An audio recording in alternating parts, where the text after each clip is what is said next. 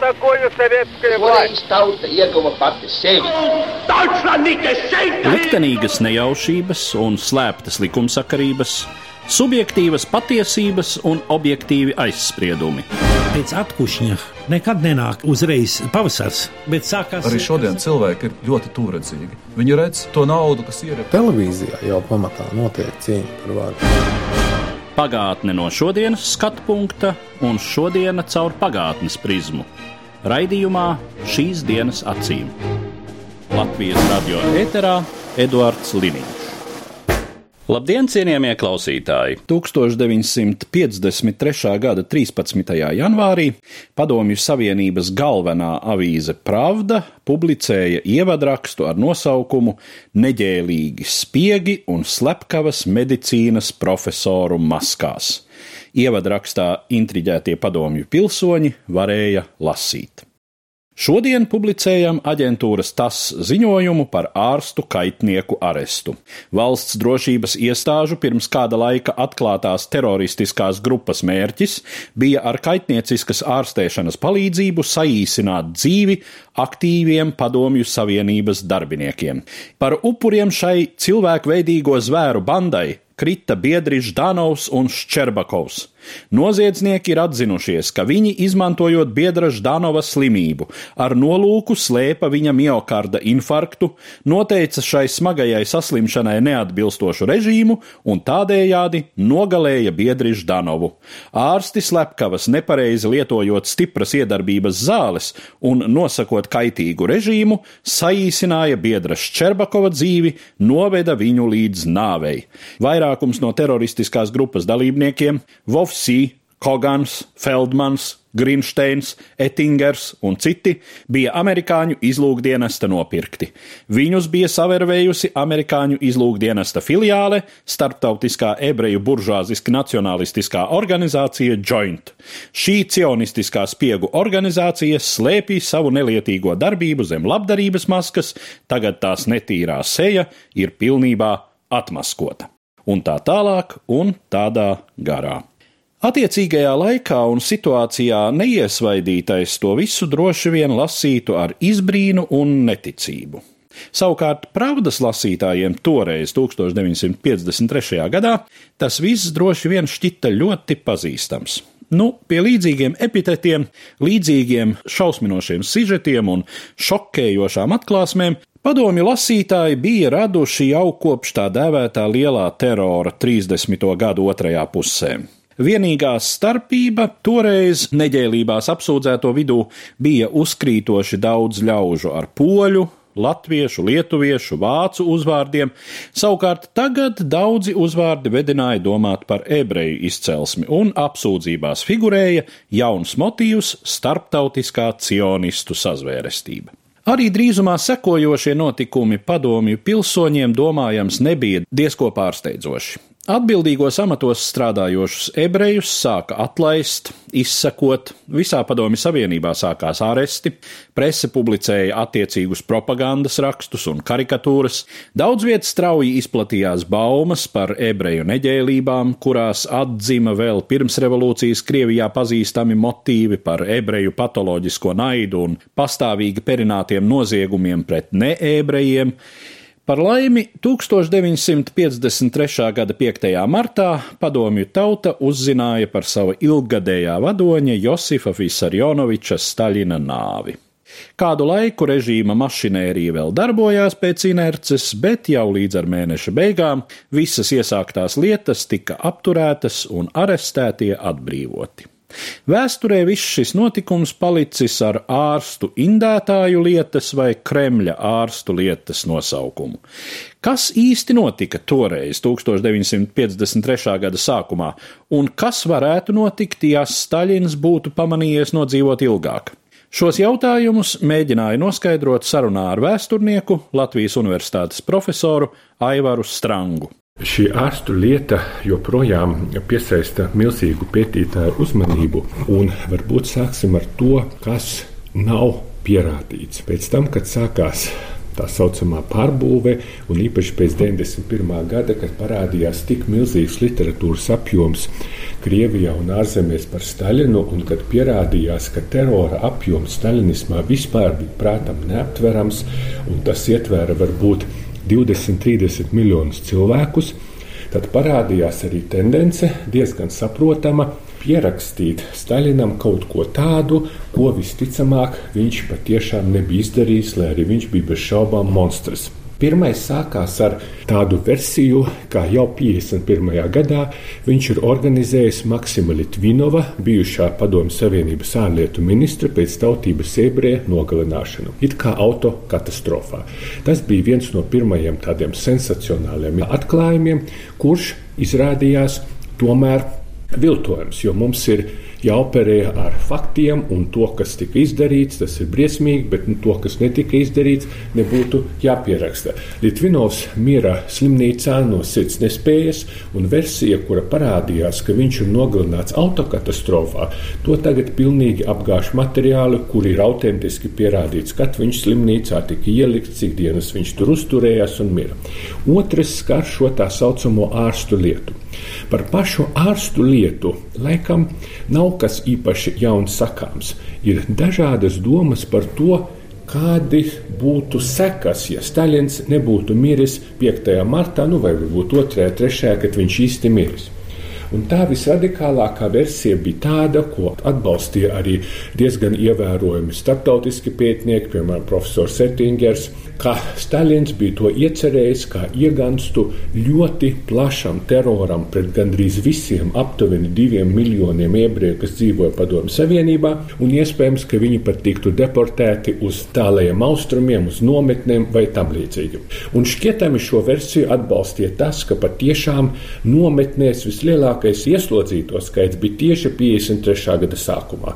Un acīm redzot, pielikt tur vēl kādu vienu vai divu miljonus, tas nebūtu īpaši grūti. Bet godīgi jāsaka, ka neviens dokuments, neviens pavadiens, kurš liecinātu, ka bija iecerēta patiešām visu Padomju Savienības ebreju deportācija kaut kur uz Sibīriju vai uz tāliem austrumiem un viņu iznīcināšana, vai pat, kā dažreiz literatūrā tika apgalvots, ka viņiem uzbruktu pa ceļam, kad šie vagoni tiktu deportēti uz Sibīriju, tas par laimi nav apstiprinājies. Ja Staļins nebūtu miris, 5. martā, ko mēs varētu sagaidīt. Visticamāk, būtu kāda jauna parauga prāva, laikam tā sāktos Maskavā, acīm redzot, tiktu sodīti ar nāvi kādi daži ārsti, lielākā daļa ebreju, varbūt arī kāds neebrejs. Otrs, visticamāk, ka šādas prāvas tiktu tādā spoguļa attēlā producētas arī uz vietām. Par to es varbūt pāris vārdus pateikšu. Iespējams, ka arī Latvijā tāda prāva būtu, lai arī negluži pret ārstiem. Bet vai būtu iecerēta tāda masveida ebreju deportācija un iznīcināšana, par to šobrīd neviens nopietnas autors vairs neraksta. Jā, ir tādas beletristiskas versijas arī tādam autoram kā Jūzam Aļeškovskim ir romāns, kas saucās Nāve Maskavā, kas pamatā ir veltīts arī ebreju izcelsmes padomju darbiniekam Ļevam Mehlisam. Tur autors tā kā diezgan nepārprotami saista to ar Staļina sadistisko personību, Es domāju, ka runāsim par divām lietām. Visticamāk, lai arī to arī ļoti grūti ir pierādīt, tad būtu jābūt ļoti specifiskiem pētījumiem medicīnas vēstures arhīvos. Visticamāk, viņš uz mūža beigām bija vēl vairāk apsēsts ar tādu paranoju, ar sazvērestībām pret viņu, kā viņš bija iepriekšējos gados. Un viens no pirmajiem upuriem, laikam 48. gadā, būtu pat bijis Andrēs Danovs, kuru vienu brīdi viņš ārkārtīgi favoritizēja, un Danovs tika uzskatīts par eventuālu eventuālu viņa mantinieku. Bet Staļinam laikam patika tā atlasīt cilvēkus, kurus viņš tā kā favoritizēja, un tad paskatīties, kā viņi uzvedās, un visticamāk, nu tad ar viņiem izreikināties. Ždanova nāve, starp citu, bija tā kā saistīta pēdiņās ar šo ārstu lietu, jo viņiem tika pārmests, ka viņi Ždanovu it kā ir nogalinājuši. Visticamāk, šobrīd tas jau gandrīz netiek apšaubīts, Ždanova nāvi tieši neviens neinicēja, bet visticamāk šīs nāves netieši cēlonis bija divi Ždanova ārkārtīgi sāncenši, kuri cīnījās par vietu vistuvāk Staļinam. Tas bija Lavrentijs Berija un tas bija Georgijs Maļenkovs, kuri arī bija politbiroja locekļi, un viņi lūkojās uz Ždanova patiešām tādu meteorisku izaugsmi pēc kara ar milzīgām bažām. Un skaidrs, ka Berijam nebija ne mazāko grūtību savākt materiālus, un to zināja visi. Kā pirmkārt, Ždanovs ļoti, ļoti smagi dzēra. Dzēra visi, bet Ždanovs un, teiksim, Klimants Vorošilovs dzēra tā saka pa krupnumu. Tas ir viens. Otrs viņam bija ļoti vāja sirds un augsts asinsspiediens. Un 48. gadā viņa vasarnīcā valdējā viņu neviens nenogalināja, bet tagad ir skaidrs zināms, ka pie viņa ieradās Bēriona ar Maļenkovu un piedāvāja viņam iedzert, ko viņš, protams, pieņēma ar lielu prieku. Tā dzeršana izvērtās laikam pamatīgā plostā, un regulāri viņa aicināja viņu smagi pērties pirtī, ko šie divi izturēja bet viņš mira no sirds nepietiekamības. Nevarētu teikt, ka viņi viņu tieši nosita, bet visticamāk viņi palīdzēja viņam. Neviens, ne ebrejārs, nekāds cits ārsts tur nebija iesaistīts, bet nu, šie divi cilvēki bija ļoti interesēti viņa nāvē. Un es domāju, ka savukārt no otras puses, tā, protams, ir tāda vienmēr tā beletristika. Bērija bija ļoti neieinteresēts, lai ebreju ārstu lieta attīstītos. Jo vien neviens nevarēja paredzēt, kāds būtu Stalina prāts, un ja nu kāds, teiksim, pseido atzītos un teiktu, ka ar Ždanova nāvi kaut kā tur būtu netieši saistīts Bērija, varbūt viņš ir tur bijis. Neviens taču nevarēja paredzēt, kas būs nākamais Stalina upuris. Un tādā ziņā es ļoti lūdzu jūs atzīmēt, nozīmē, ka tiklīdz Staļins mira. Un Bērija kļuva faktiski par vienu no galvenajiem cīnītājiem par troni kopā ar Hruščovu. Tieši Bērija 31. martā visu lietu pārtrauca, un visi apcietinātie tika atbrīvoti. Un parasti tam radīja divus izskaidrojumus. Viens, ka viņš ir gribējis veidot tādu bišķīt mazāk teroristisku padomju savienību, par to daudz ko šaubīties, bet neviens jau nevarēja paredzēt, kā visa tā lieta varētu tikt saprabicēta un uz kuru pusi tie ārsti kaut ko tur liecinātu. Varbūt kāds liecinātu pat par preša beriju. Tā kā šī ārstu lieta, protams, viņā ir arī ļoti daudz misterioza saistīta tieši ar šo Stalina paranoisko stāvokli, ko neviens nevar aprēķināt. Ždanovs bija ļoti iecienīts, un ap 48. gadu, kad viņš pēkšņi mirra, viņš vairs nebija tik iecienīts Stalinam. Otrs, kas bija Stalinam varbūt vistuvākais, tas bija Večeslavs Molotovs, Un tas arī sāka kļūt jau par diezgan nedraudzīgu no Staļina viedokļa. Šie cilvēki visi dzīvoja bailēs, kurš būs nākamais šī paranoiskā diktatora upuris. Un neviena šāda lieta, kur iesākās, nevarēja zināt, kā viņa pagriezīsies.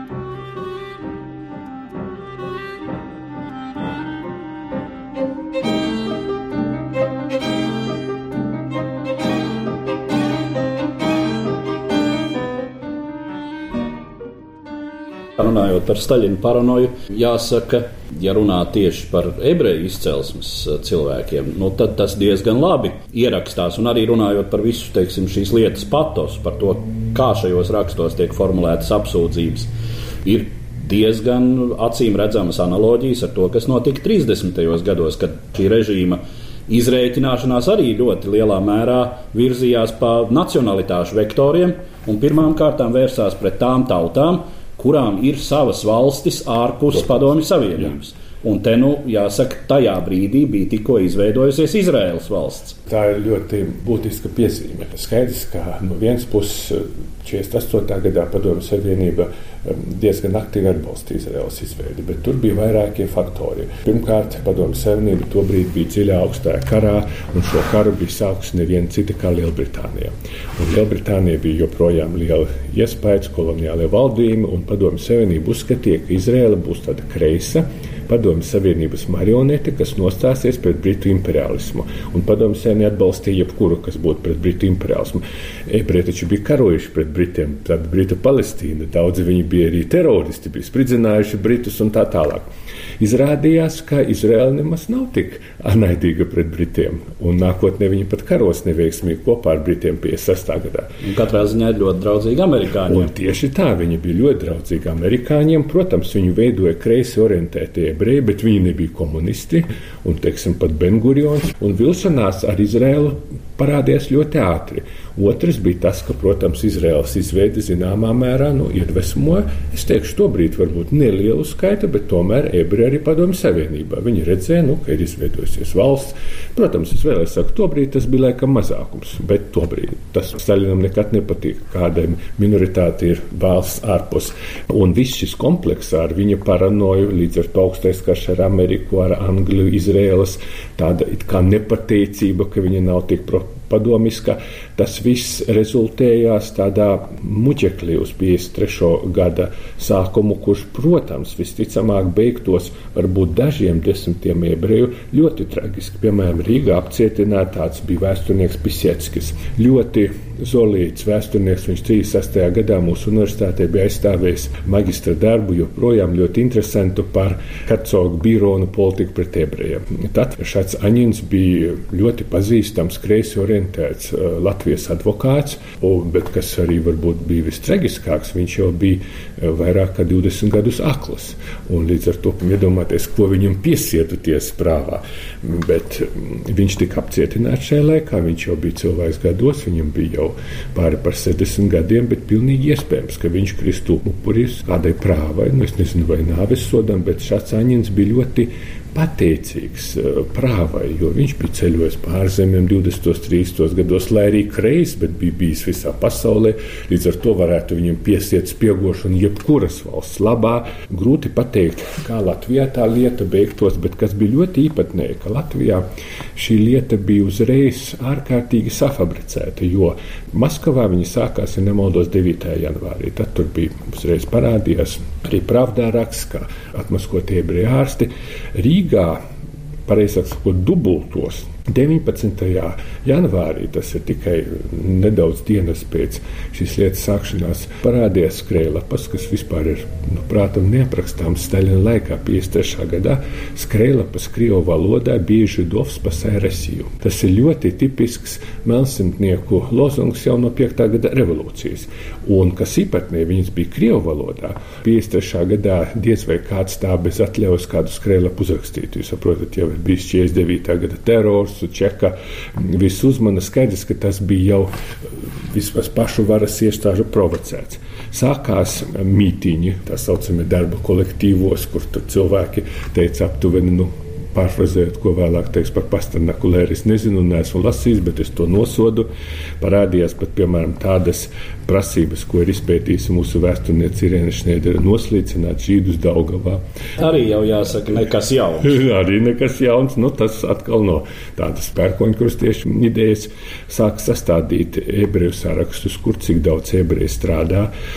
Protams, Sveres pasvītroja, šīs lietas īpatnība bija tā, ka pateicoties Staļina nāvei, nevienu nepaspēja nogalināt uz to brīdi.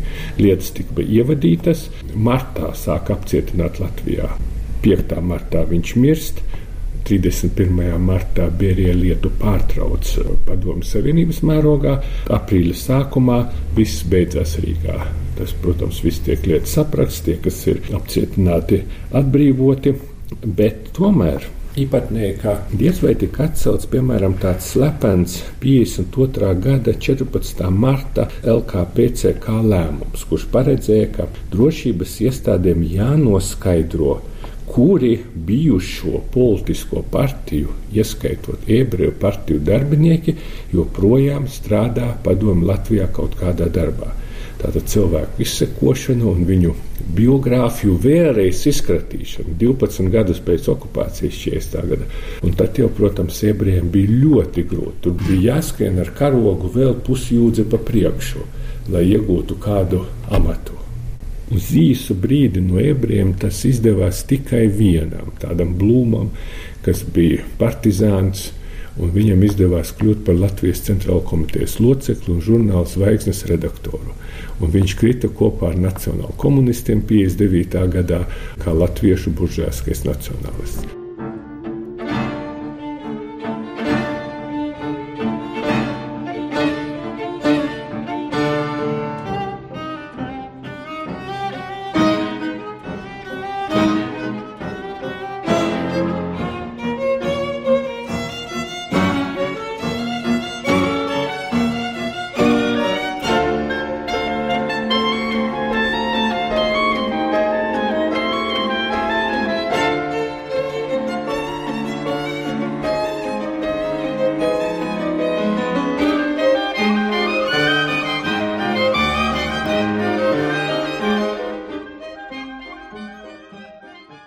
Mēs jau runājām par to, ka līdztekus varas iestāžu un sistēmas teiksim, inspirētiem un tieši organizētiem procesiem nu, bija arī kaut kāda. Vai viņa bija gluži stihiska, nezinu, bet bija lieta tāda, ka šie antisemītiski lozungi un antisemītiskas noskaņas viņas nekad neizzuda.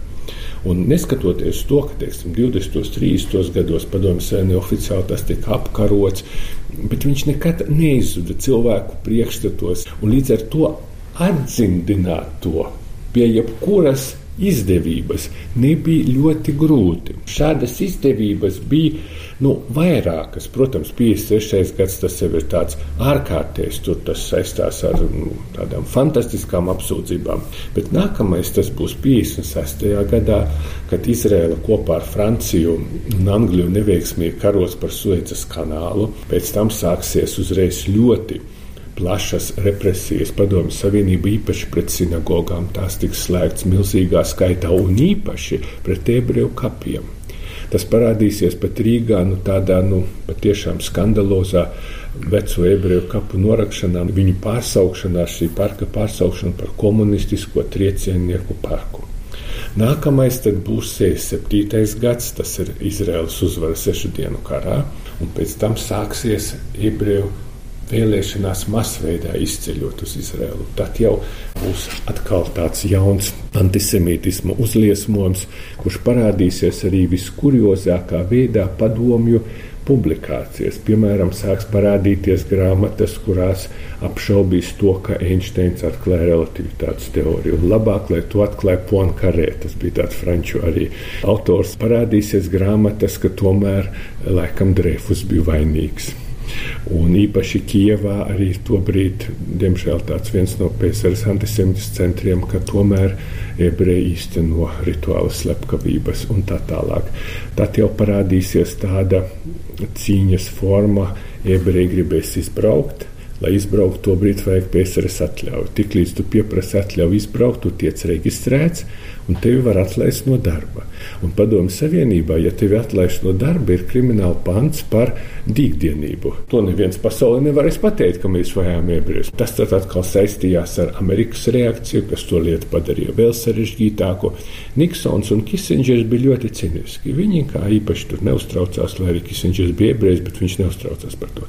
Bet Amerikas senāts nebija tik laiks, ja neļaut ebrejiem izbraukt. Mēs ar jums netirgosimies. Un padomju Savienībai tobrīd bija jau šausmīga problēma, nebija taču graudu nebija ko ēst. Nafta bija, to taču nevar ēst. Līdz ar to tie arī nabaga ebreji bija iesaistīti tādā tik daudzu lielo faktoru spēlē, teiksim, PSRS Amerika, PSRS Arābu valstis. Šīs netīrās kampaņas kulminācija bija tas, ka 70. gados PSRS kopā ar Arābu valstīm panāca varbūt viskandalāzāko rezolūciju, par ko, protams, Gebels būtu priecīgs, ka cionisms tika pielīdzināts rasismam. Proti, cionisms, kurš prasa tikai vienu, lai ebrejiem būtu valsts, un cita lieta, kāda viņa valsts, kreisa, labi, reliģiska.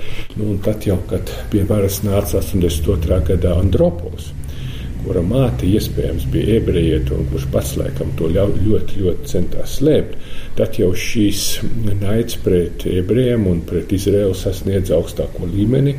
83. gadā tika nodibināta tā saucamā PSRS precionistiskā komiteja, kurā tika atrasti tādi nu, ļoti uzticami no padomu viedokļa ebreji neliels skaits, ap desmit. Viņi tika pielīdzināti nomenklatūrai, proti, viņiem bija mašīna, dzīvoklis, paika, kā toreiz teica, pārtika. Nu, un tad no 83. gada jau tas anticionistiskā kampaņa ieguva tādu absolūti valsts sponsorētu atbalstu. Bet ļoti īpatniekā, tad, kad nāca Gorbačovs, faktiski padomju centrā viņa uzreiz tika pārtraukta. Gorbačovs nekādā gadījumā nebija antisemīts. Ja mēs vēl drusku parakātos Jā. Um, senākā vēsturē, Jā. Eh, man ir prātā tāds izteikums. Konteksta dēļ, protams, ar latviešu nāciju Guntis Grūba intervēja Sergeju Karagānovu un neatceros, kā viņi līdz tam nonāca, bet atceros šo Karagānovu kunga repliku. Ziniet, antisemītisms Krievu apdzīvotajās teritorijās bija, kā viņš teica, krieviski naparjāda kņīže, tas ir uh, vismaz vienu pakāpi zemāks nekā Krievijas nacionālajās nomalēs. Nē, nē, nu, tās ir absolūti muļķības. Nu, nerunāsim par tādiem aizvēsturiskiem laikiem, bet sāksim varbūt ar 795. gadu, kad Krievija agresijas pret Poliju rezultātā ieguva aptuveni miljonu ebreju. Līdz tam Krievijā, protams, ebreju skaits bija absolūti minimāls. Bet sadalot Poliju, Viņa ieguva tātad Baltkrieviju, daļu Ukrainas, Lietuvu, arī pašu Polijas lielu daļu, un viņa ieguva tuvu miljonu ebreju. Un skaidra lieta, ka apsūdzēt, piemēram, valdniekus, tas būtu liels pārspīlējums. Bet um, viens no pirmajiem cilvēkiem, kas tobrīd, kad viņi ieguva šos ebrejus un kas ļoti asi pret viņiem vērsās, bija Dzeržavins, krievu cēnieks, kas tika uzskatīts par Puškina skolotāju. Es nesaistu ar Puškinu, bet viņš ticēja tam, kā ebreji rīko rituālu slepkavības. Viņš uzskatīja, ka tikai ebreji apdzirda tautu, lai arī tauta bija dzērusi pirms ebrejiem, kad Krievija nebija nekādu ebreju un dzer tur, kur ebreji vispār nekad nav bijuši un dzer neatkarīgi no ebrejiem. Bet tādas apsūdzības, ka ebreji slepkavo kristiešus, ka ebreji apdzirda tautu, tās parādījās Krievijā un arī pirmā antisemītiskā literatūra Krievijā ir aptuveni 802. gads, kad viņas vēl ir ļoti maz rietumos. Cita lieta, ka teiksim, 19. gadsimta beigā, 20. gadsimta sākumā, kad parādās ļoti stiprs rasistisks antisemītisks Austrumgārija, Francija, Drumons, varbūt Krievija kaut kur atpalika.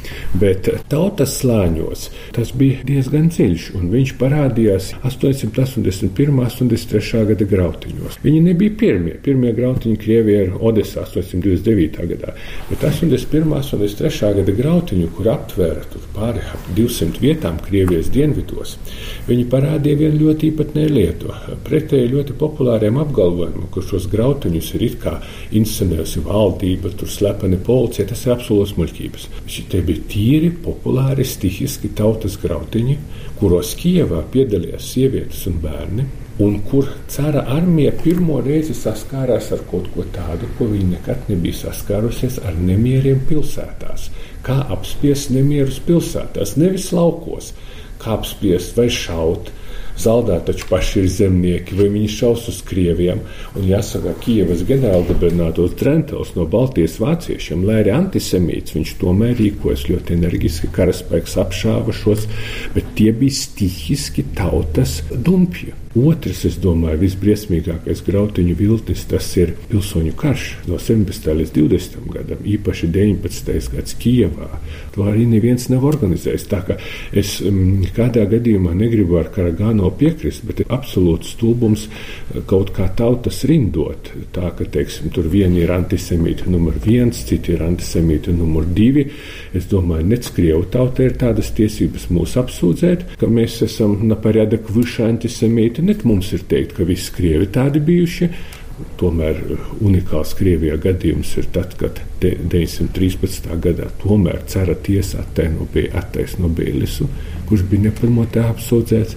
Viņu aizstāv visa tā laika krievu inteliģence, ieskaitot izcilo juristu Maklakovu, kurš bija kadets, kurš nebija nekāds sociāldemokrāts, bet nu, kurš aizstāvēja taisnību. Nu, nav pierādījumu. Tā ka nē, šāda generalizācija, kura pieraksta kādām tautām, pat vācu tautai, Tad, kad 96. gadā iznāca Amerikā Harvardas Universitātes doktora Daniela Goldhagena grāmata, kur viņš pierakstīja, ka visi vācieši no sākta gala, nu, burtiski tur no kāda 15. un 14. gadsimta ir vēlējušies tikai vienu ebru iznīcināšanu, tad jāsaka, ka akadēmiskās aprindās tas bija liels sašutums. Tad taču viņiem bija 500 gadi to īstenot, ja jau viņi to būtu vēlējušies no 13. un 14. Es domāju, pat vācu tautu nevarētu raksturot tā negatīvi nosodu šādas generalizācijas par tautām. Nav ne kolektīvas vainas, nav ne tautu slepkavu, ne tautu glābēju, kad visi tur veikši ir tikai glābēji. Tas, domāju, ļoti kļūdaini. Par pagātni sarunājas Eduards Līniju.